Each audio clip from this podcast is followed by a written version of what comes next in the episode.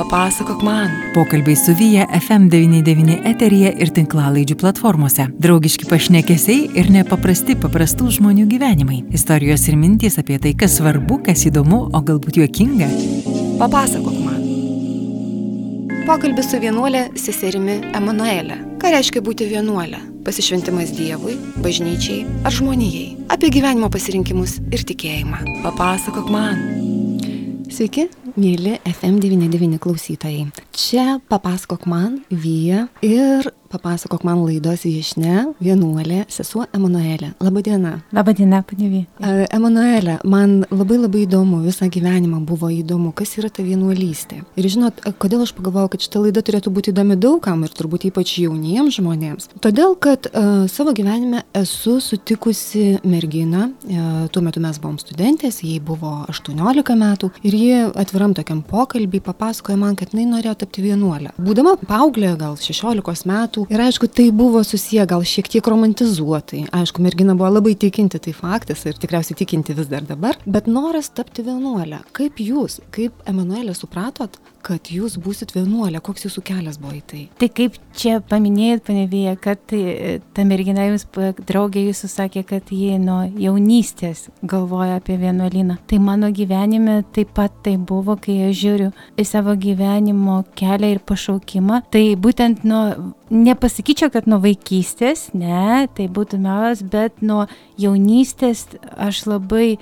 ankstyvai jaunystėje taip pat pajaučiau tą pašaukimą. O ta pašaukimas gimė, tai pasakysiu, kokiu būdu. O gimė jis e, dėl to, kaip aš mastau dabar ir, ir taip jaučiu širdimi, kad gimė dėl to, kad mano šeima, už tai esu dėkinga savo šeimai, kad ji buvo tikinti e, Dievu ir man tą tikėjimą perdavė. Paskui aš esu dėkinga, aišku, ir pirmiausia, prašau, nepasakiau, bet ir Dievui už savo pašaukimą esu dėkinga. Paskui aš savo gyvenimo kelyje jaunystėje sutikau kunigą, būtent kuriam esu dėkinga už savo pašaukimą. Ir jo uh, pavyzdys, jo gyvenimas ir pašaukimas kunigystėje, tai buvo mano parapijos klebonas, kuris buvo labai jaunutis, buvo uh, atkeltas pas mus klebonauti.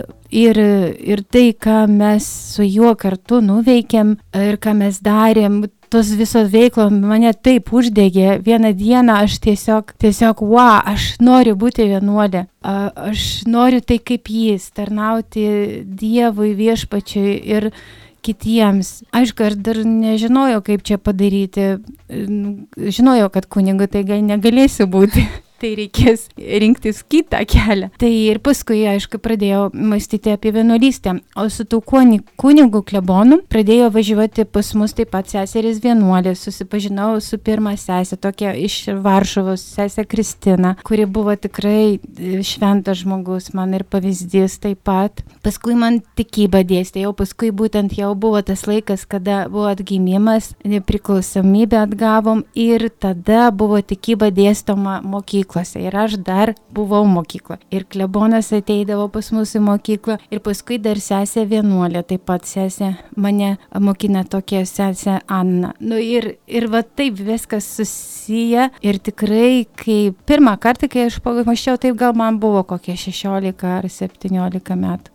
Ar tai nebuvo susijęs su kažkokiu romantizmu? Ar tai, ką jūs įsivaizdavot tada, kas yra e, vienuolystė, ir tai, ką jūs dabar išgyvenate, ar tai atitinka jūsų tuo metinį įsivaizdavimą ir realybę? Taip, trupučiuką buvo romantizmo, romantizmo, bet aš manau, kad čia kiekvienam pašaukime, ar šeimai, ar santokai, ar, ar kunigystė, ar vienuolystė galvoji, tu esi jaunas, užsidegęs ir tu perversi kalnus. E, aišku, aš, nu, net gal nežinojau iš tikrųjų, kaip tas vienuolinis gyvenimas atrodo iš tikrųjų tik tada, kada tu jau įeini tik iš šono, pirmiausia, tai matai tai iš šono, ne, e, dar nepabandžius esi, o paskui tik jau, kai eini ir pradedi gyventi, aišku, tai nėra, tai nėra taip pat lengvas kelias Tai žinoma, kad tai nėra lengvas kelias. Tai kelias, kuris tikrai, galima sakyti, apriboja labai daug pasirinkimų, kur, Taip. kur yra kažkokie tokie, na kaip ir pasakyti,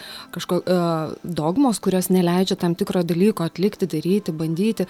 Ir aš manau, kad ypač jaunam žmogui tai turėtų būti sudėtinga, nes daug yra ir pagundų yra, kurias reikia kaip ir suvaldyti. Ir aš taip suprantu, kad būnant jau kiek, 18 metų, kiek metų buvo, kai tapote vienuolę. Aš įstojau į vienuolyną, man buvo 19 metų. Štai, 19 metė mergina, jauna, kur e, kitos įstoja į universitetus ir pradeda siautėti vakarėliai, draugai, pažintys, bendravimas.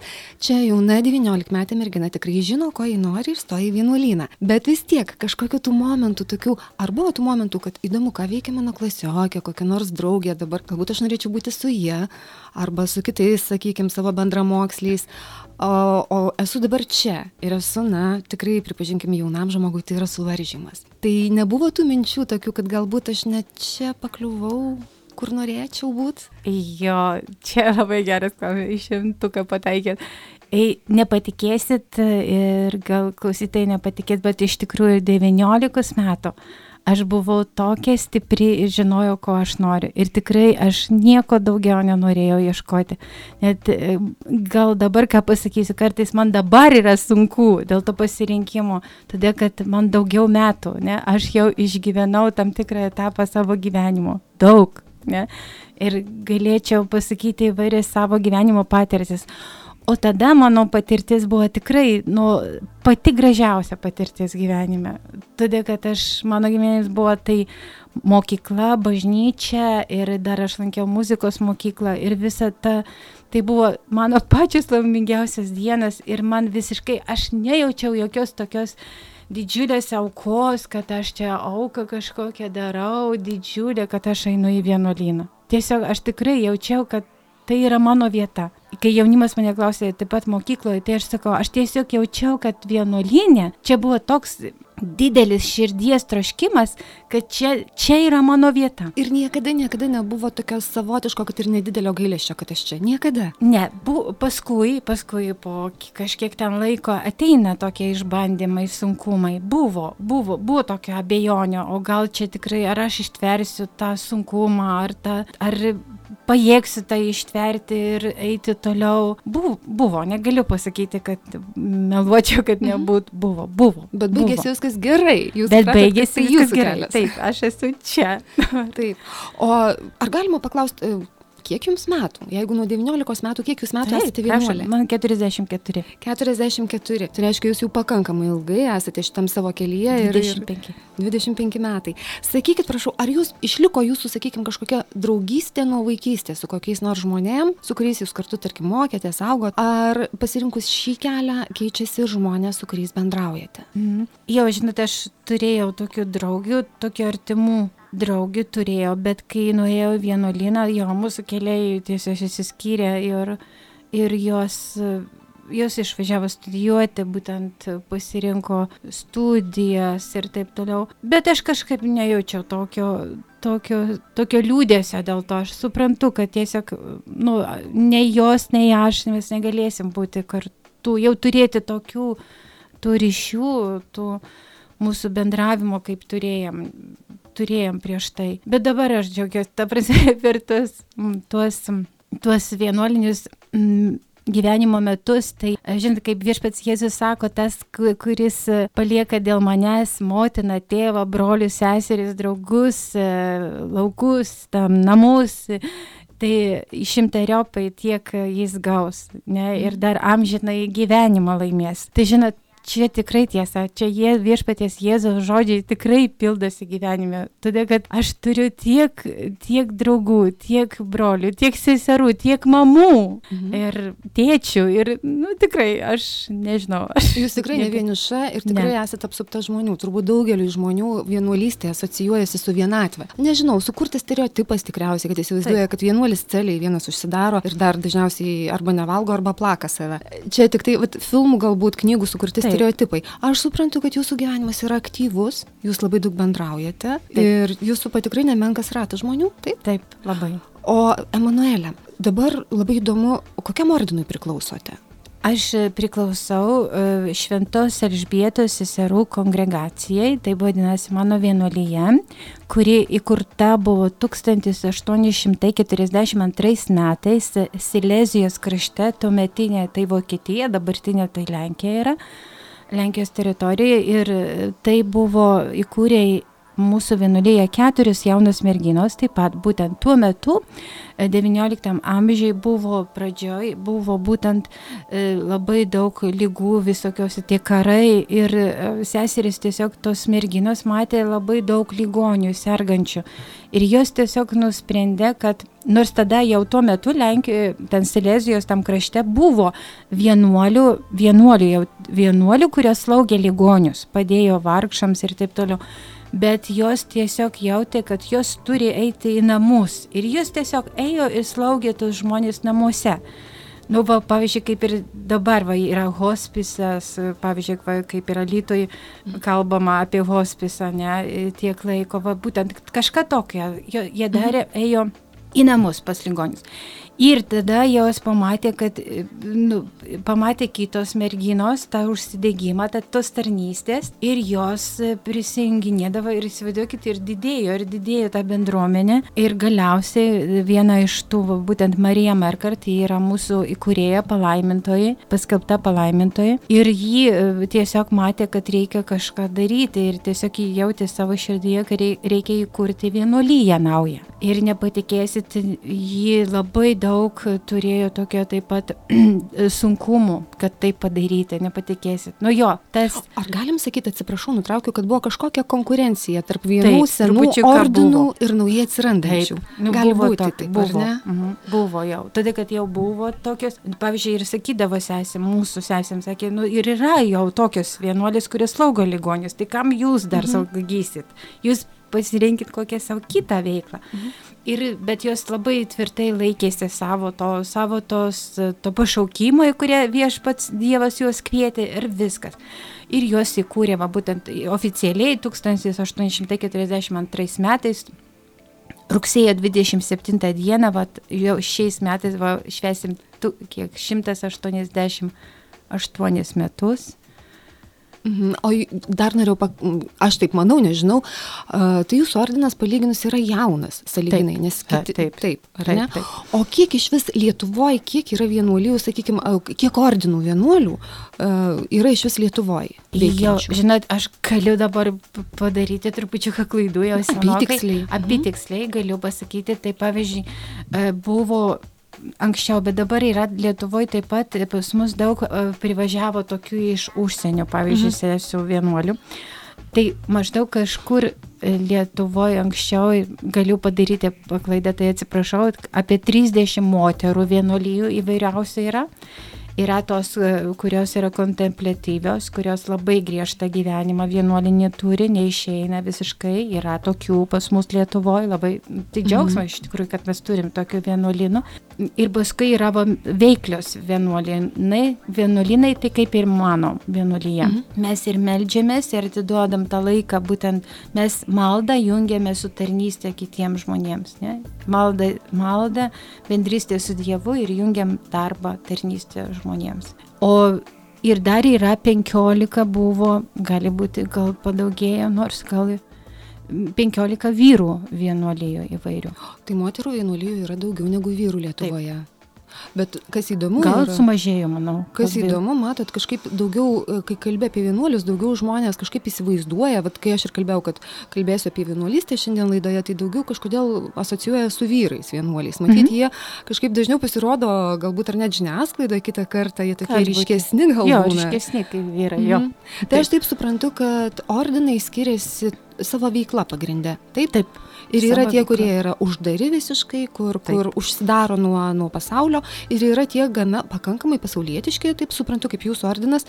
Ir, vat, ir buvo klausimas, kam jūs tarnaujate - Dievui, bažnyčiai, žmonijai. Tai aš taip suprantu, kad jūs apriepėt visus tris. Taip. Tiesa, tiesa, todėl kad, e, e kaip kartais, žinot, yra tokia, galvoju, nu, tai kuris ten vienuolynas svarbiausias, ar, ar, ar kurio veikla, pavyzdžiui, kartais kaip pamastama, kuri, kurio yra svarbiausia. Iš tikrųjų, visos vienuolijos yra svarbios ir Dievui. Ir visos tą pačią, buvo būtent kaip pasakėt, panivėje, čia yra visas tą pačią tarnystę, tai me, mūsų, mūsų vienuolijos tarnauja Dievui, žmonėms, bažnyčiai būtent ir vi, tik skiriamės mes tuo, tuo savo veiklą, tą savo kryptimį arba dar kaip bažnyčiai sakoma, charizmą. Kokią charizmą, tai reiškia būtent kokią ypatingą dovaną turi ta vienuolyje, ne?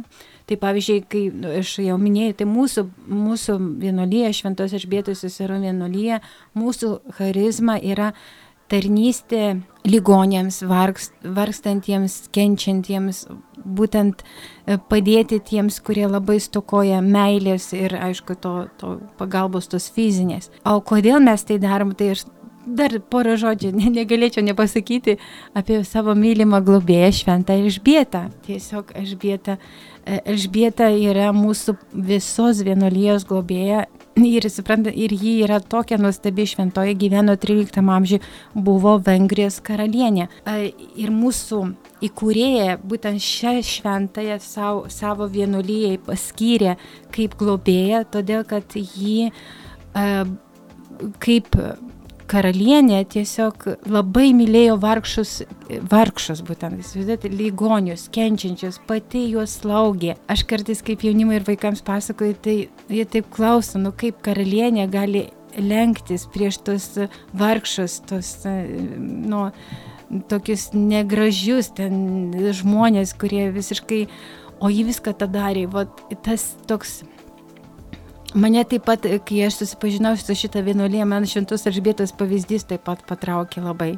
Tai yra toks savotiškas, sakykime, atsisakymas puikybės. Taip. Visiškai karalienė taip. atsisako puikybės, praktiškai nusima karūną ir lenkėsi prieš vargšą. Taip, jį tą darydavo. Taip. Būtent šventą Elžbietą tą darydavo ir jį va būtent, ir jį tiesiog kaip mūsų, mūsų vienuolijos globėja moko mus būtent, kad mes būtume tokios, taip pat mokėtume gyventi nuolankume priimti kiekvieną žmogų, ne, tarnauti kiekvienam žmogui, ne, ką ir mes ir stengiamės daryti. Ne.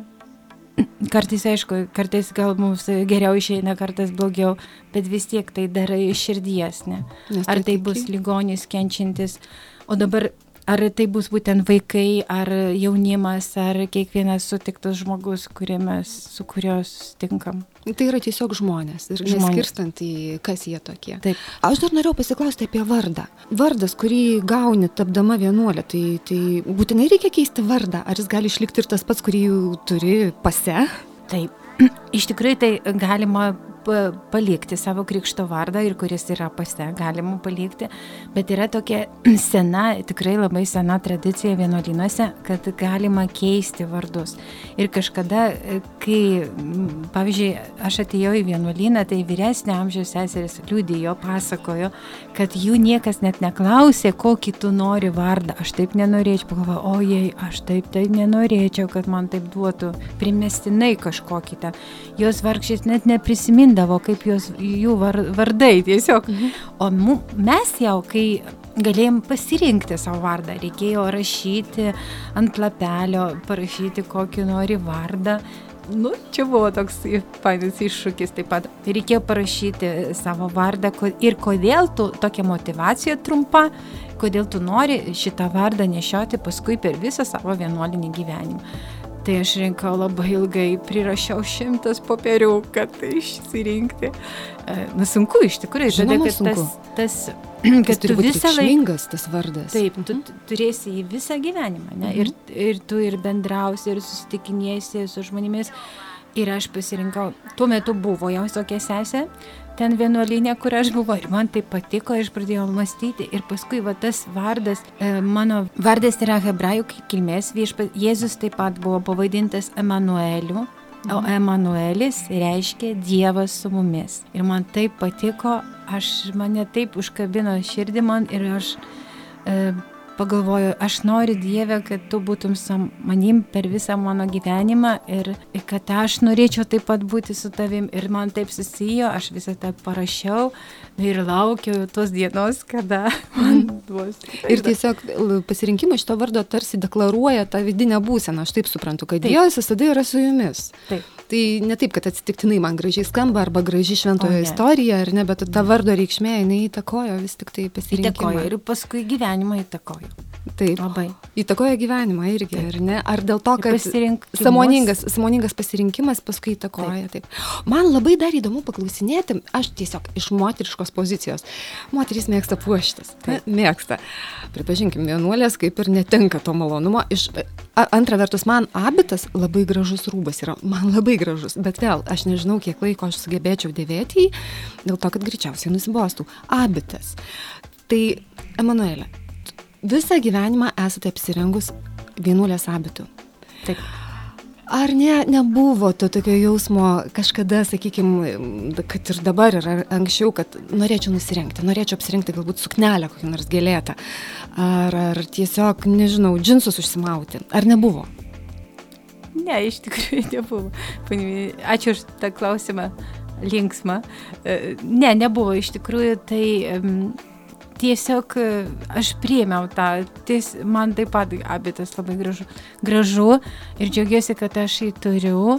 Bet, žinot, džiaugiuosi, kad mano vienuolėje būtent mes visą laiką nešiojam abitą. Jie nežinau, ar žinot, kai yra tokios seserys, kurios visiškai neturi vienuolinių rūbų, jos vaikšto pasaulietiškai apsirengusios. Pirmą Jūs- kartą girdžiu. Taip, Yra net- tokios vienuolės, taip, kurios dėvi. O jos kaip vadinasi, vienuolės pasaulietės? E, kaip jos Jos vadinasi? vadinasi, tos seserys vadinasi taip vadinamos e, pa, paslėptosios skri, skritos. Taip. Mhm. Tai Mhm. reiškia, kad jos, jos buvo Po priedanga. Šitos, po priedanga. Jos buvo jo įkurtos e, palaiminto honorato Kožminskio. Mhm, mhm. Vat būtent e, ir tada, kada buvo persiekėjama bažnyčia.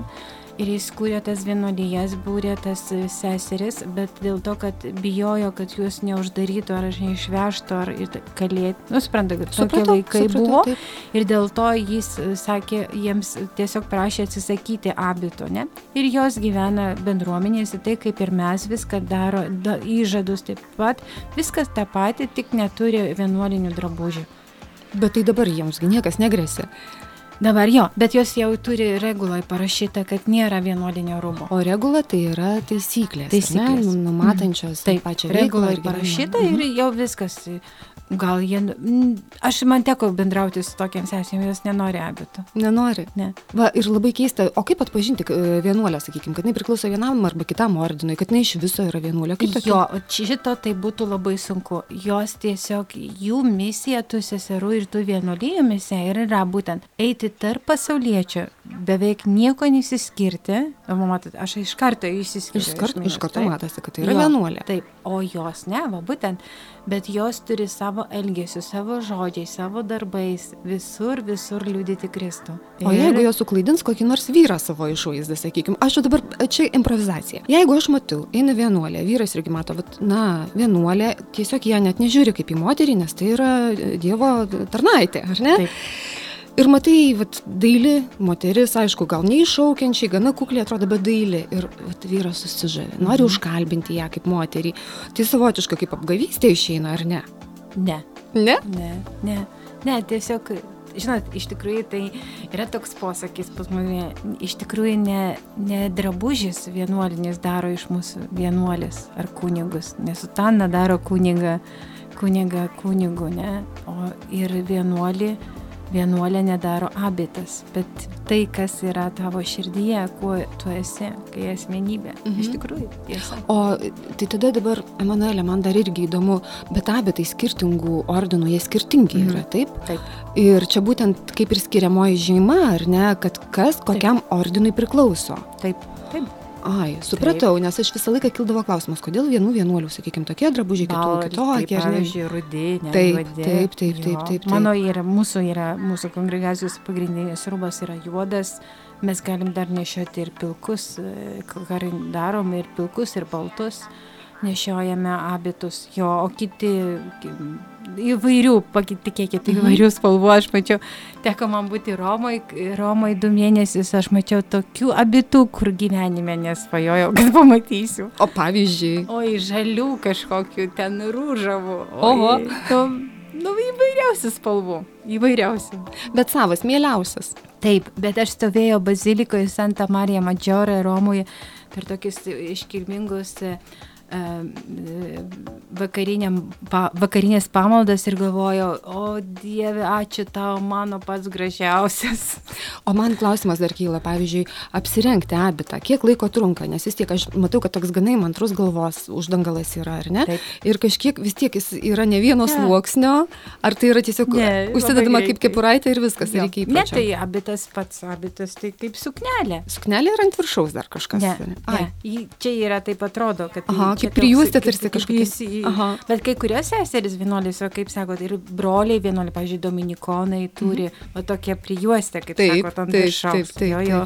Benediktinai turi taip pat va tokie. Mes mhm. neturim. Mes, mes jį turim, čia yra taip vadinamas škapleris. Aha. Jis yra iš vienos pusės ir iš mhm. kitos, mhm. bet jis yra išsiūtas į mūsų. Prisiūtas prie jūsų suknelės, prie, nu, prie, prie abito. abito jo, prie suknelės. Taip. Jo. O man dar irgi įdomu, ar jūs turit, pavyzdžiui, šventinius drabužius, kad jeigu būna kažkas labai iškilmingo, tą abitą tokį šventinį. Taip. Tai, tai, tai, tai, o tai koks jis? O ne, jis toks pats kaip jis. Toks pats, aš maniau, kad baltas galbūt. A, baltas gali būti baltas, bet e, mūsų šventinė žuva visą laiką Toks pats, yra tai yra saugomas, ar ne? Taip, saugomas gali būti geresnis ten medžiagos. Audinys gali skirtis, taip, nes ja. man irgi labai įdomu, ar turi būti visą laiką vienodo audinio, ar gali būti, sakykime, ten vienas vilnonis, kitas medvilninis. Gali būti ir taip yra. Kokias čia pagal metų turi, turi tai ir siūva, kokią medžiagą perka. Metų laiką. Mhm. Ja. O mhm. metų laiką taip pat. Kaip, žinot, kaip kaip, tai kaip svarbu. perka, kaip randa medžiagos, čia nesvarbu, mm -hmm. čia jau mhm. sunku pritaikyti. Taip. Mm -hmm. O tada dar klausimą turiu. Dabar sažiningai, Manuelė, ar kada nors buvote susižavėjusi vyru? Na, susižavėjusi. Būn, aš nežinau, vis tiek Taip. romantiniai jausmai, galų galę skaitai poeziją, skaitai taip. knygas. Ir, ir aš tikrai, Taip. aš atsimenu irgi mergaitė būdama labai susižavėdavau greitai man, o, filmų žiūrėdama. Tai, Emanuelė. Aš, Būna?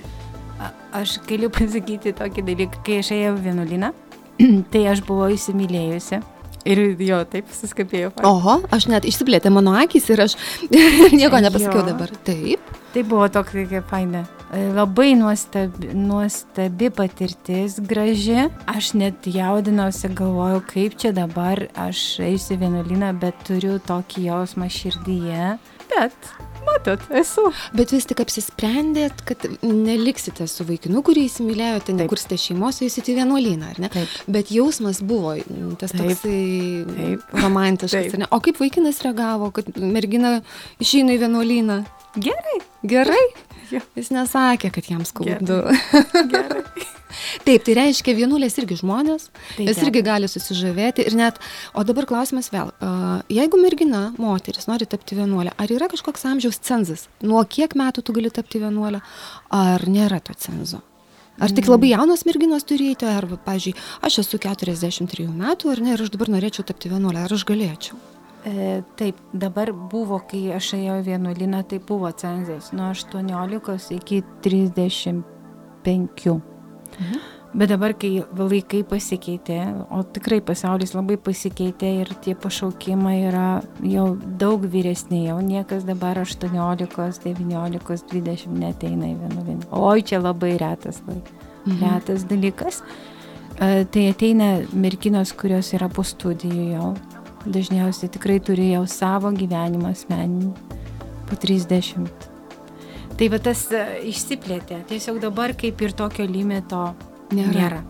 O ar galim sakyti, kad 40, moteris... jeigu jums mhm. galit, bet jeigu su sąlyga, kad jūs neturit šeimos ir vyro. O jeigu išsituokusi, pavyzdžiui, moteris, jei jinai ne. buvusi šeimoje? Ne. Ne, turi būti netek, niekada netekėjusi. Ne. Gali būti našlė. Kai, vienuoly, mhm. kai mhm. kurie vienuolynai priema našles. Mhm. O ar gali būti, kad ateina moteriai, sakykime, į vienuolyną po skaudžių patirčių? Sakykime, vėlgi, nesėkminga meilės istorija, nepasisekimai gyvenime nuolatiniai, kažkokie mhm. netektys ir dar kažkas tokio. Ir būtent jos tada suvokia, kad viskas, jos nenori gyventi to pasaulietiško gyvenimo, mhm. o ateina į vienuolyje. Ar būna, ar, ar dažnai pasitaiko tokiu atveju? Nežinau, žinot, aš asmeniškai tai nežin, nežinau tokio atveju, kad iš, buvo, mūsų vienuolyje buvo tokio atveju, kada atėjo tokio jau vyresnio amžiaus, buvo pora našlių taip pat, bet jos neišsilaikė, jau sunku priprasti prie tokio gyvenimo, kur tu turi anūkų, pavyzdžiui, suprantat. O jo, reikia nuo to atsiskirti jau. Reikia nu, viską paliekti. Taip, taip, reikia atsiskirti, mhm. todėl kad tu nebūsi visą laiką jau su jais, mhm. suprantat, su šeima. Ir jaunam žmogui. Tavo šeima jau tampa vienuolyje tavo, ne, mhm. bendruomenė. Tai tai yra labai sun, jau sunku ir jos nesugebėjo. Mhm. Kiek jų buvo, ne, tai ne tas amžius jau, nusprendė po 50, tai jau ne, nėra tas sunku. O vis tik jūsų nuomonė, tada va, taip nuoširdžiai sakant, geriausias amžius apsispręsti tai yra, na... Geriausias mano amžius buvo Aš manau jaunystė. Jaunystė. Taip. Kai, kai nėra to tokio, pasakysiu, gal grubiai bagažo už nugaros, Taip. kaip ir sakėte, nu, kai vaikai kažkas tai ten lieka. Taip. Tiesiog, kai Taip. tu gali save visą pašvesti savo tikėjimui. Taip. Taip. E, aš turiu tokią patirtį, aš manau, kad taip, man, aš buvau, e, visą laiką tą kartoju, daug kartų savo kartoju ir taip pat, kad aš tada buvau daug, daug stipriau įsitikinusi dėl savo pašaukimo, negu dabar. Nes dabar patirtys. Va, būtent, dėl, dėl, kad mano patirtys dabar skirtingos. Mm -hmm. O tada tai buvo euforija ir džiaugsmas ir taip toliau. Tikslas, vienas, kurį ir noras, ir, ir noras išgyventi bet ką, kas -hmm. tavo kelionėje būtų būtų džiaugsmingo ar sunku ar ir taip toliau. Mhm, mhm. Tai, tai pasiryžimas kažkas... eiti ir į tai, kas bus turbūt sunku ir purvina ir, ir susiję taip. irgi iš tikrųjų su lygom, su slauga, su dar kažkuo, kas taip. kitam žmogui nepakeliama ir kartu ta euforija, sakykime, ten mišios, išvykos, kažkas tokio, kas pakilėjo jūs aukščiau ir viskam buvot pasiryžusi, ar ne? Taip. Kai po to jau patyrėt visą tai supratot, kad tai labai labai sunku gali būti, ar ne? Ir tada atsiranda bejonių. O dar klausimas toks gana moteriškas klausimas ir aš manau, kad daug kas to nežino irgi. Aš taip suprantu, kad e, tikrai e, bereikalo vienuolės tikrai nesipuošia, jokių ten e, bumbuliukų, skariukų nenešioja, bet aš matau ant jūsų rankos žiedą, vestuvinį žiedą. Mhm. Ką jis simbolizuoja? Jo, žiedas, žiedas yra labai svarbus ženklas, todėl kad kai mes duodam amžinus įžadus, tai kaip priesaikos tokį e, matomą ženklą, kaip ir santoka, labai panašiai kaip ir santokos sakramento šventime. E, mums viskupas šventina šį žiedą ir tikrai aš net tą maldą prisimenu iki šios dienos, ką sakė, kaip e, pašventino tos žiedus mūsų per amžinus įžadus ir mums davė ir sakė, sesė Emanuelė, priimk šį žiedą, tegul jis tau primena, kokią meilę šiandien pažadėjai Kristui. Tai yra, o ir paskui tą žiedą užmauna vyskupas, ar jūs pati, pati turite užsimauti? Ne, jis trupučiuką taip užmauna, paskui, paskui užsidėdė.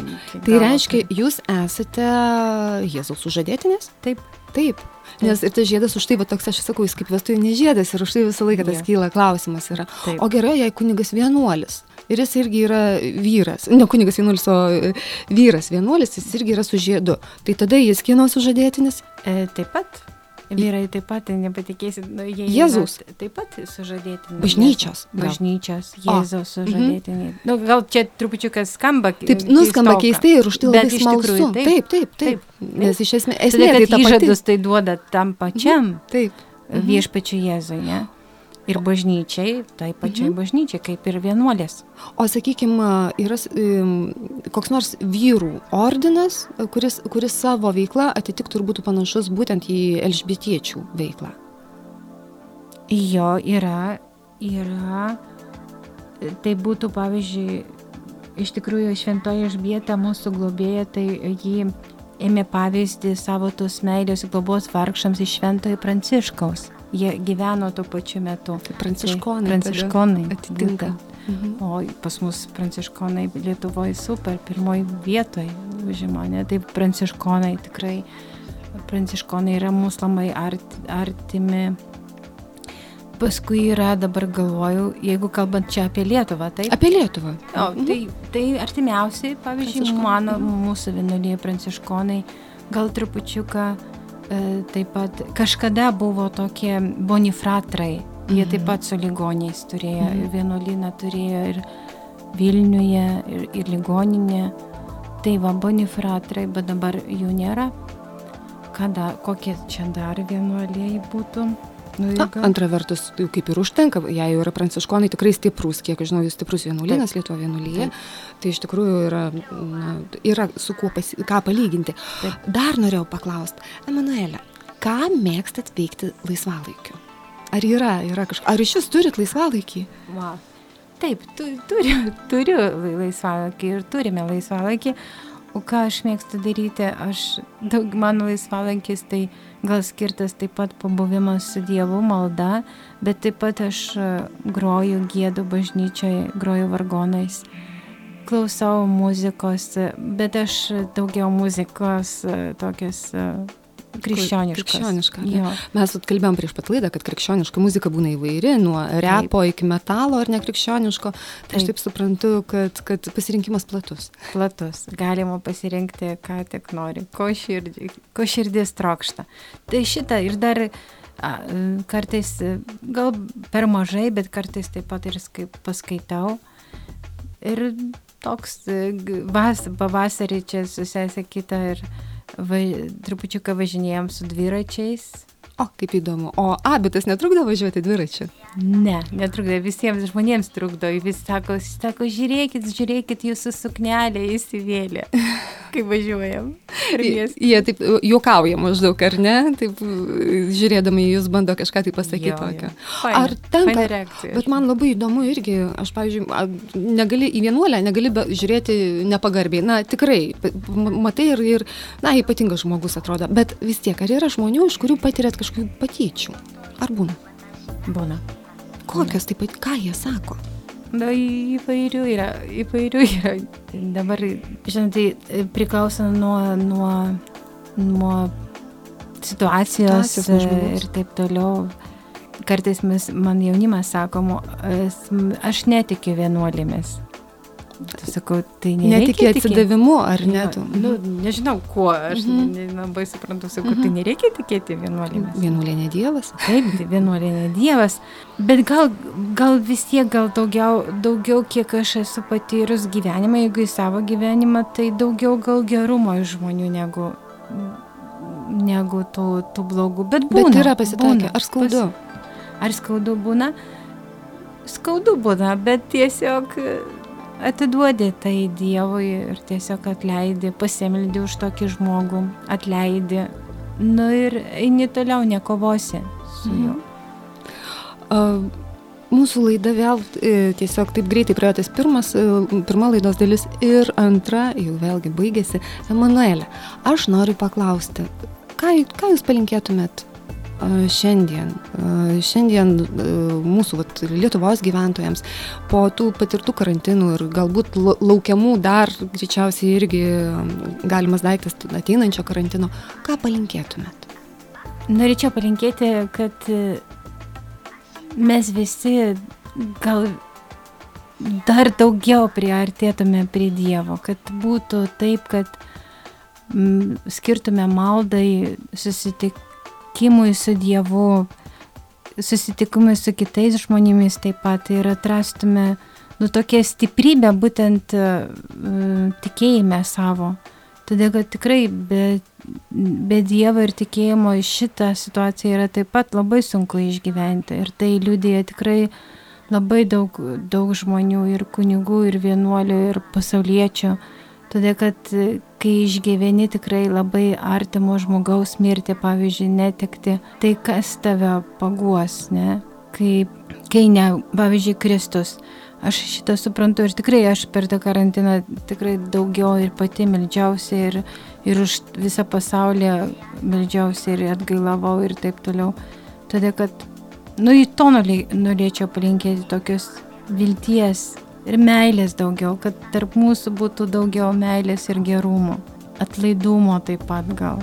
Nu, visą tai, kas tikrai tos pačios, kad mūsų gyvenimuose būtų tos pačios gražiausios vertybės. O tos plačiausias, gražiausias tai dieviškos vertybės ir darybės, tai tikėjimas, viltis ir meilės. Ir to linkiu. Ačiū, Emanuelė. Ačiū labai, kad atėjote ir ačiū už tą tikrai malonę e, valandą praleistą čia studijoje. Iki. Ačiū labai už pakvietimą, ačiū už viską. Su Dievu. Papasakok man. Pokalbiai su Vyja FM99 eteryje ir tinklalaidžių platformose. Draugiški pašnekesiai ir nepaprasti paprastų žmonių gyvenimai. Istorijos ir mintys apie tai, kas svarbu, kas įdomu, o galbūt juokinga. Naują pokalbį kas savaitę klausykite radio stoties FM99 eteryje ketvirtadienį 18 val. ir kartojimą šeštadienį 7 vakare bei sekmadienį 2 popiet. Taip pat ieškokite tinklalaidžių platformose. Papasakok.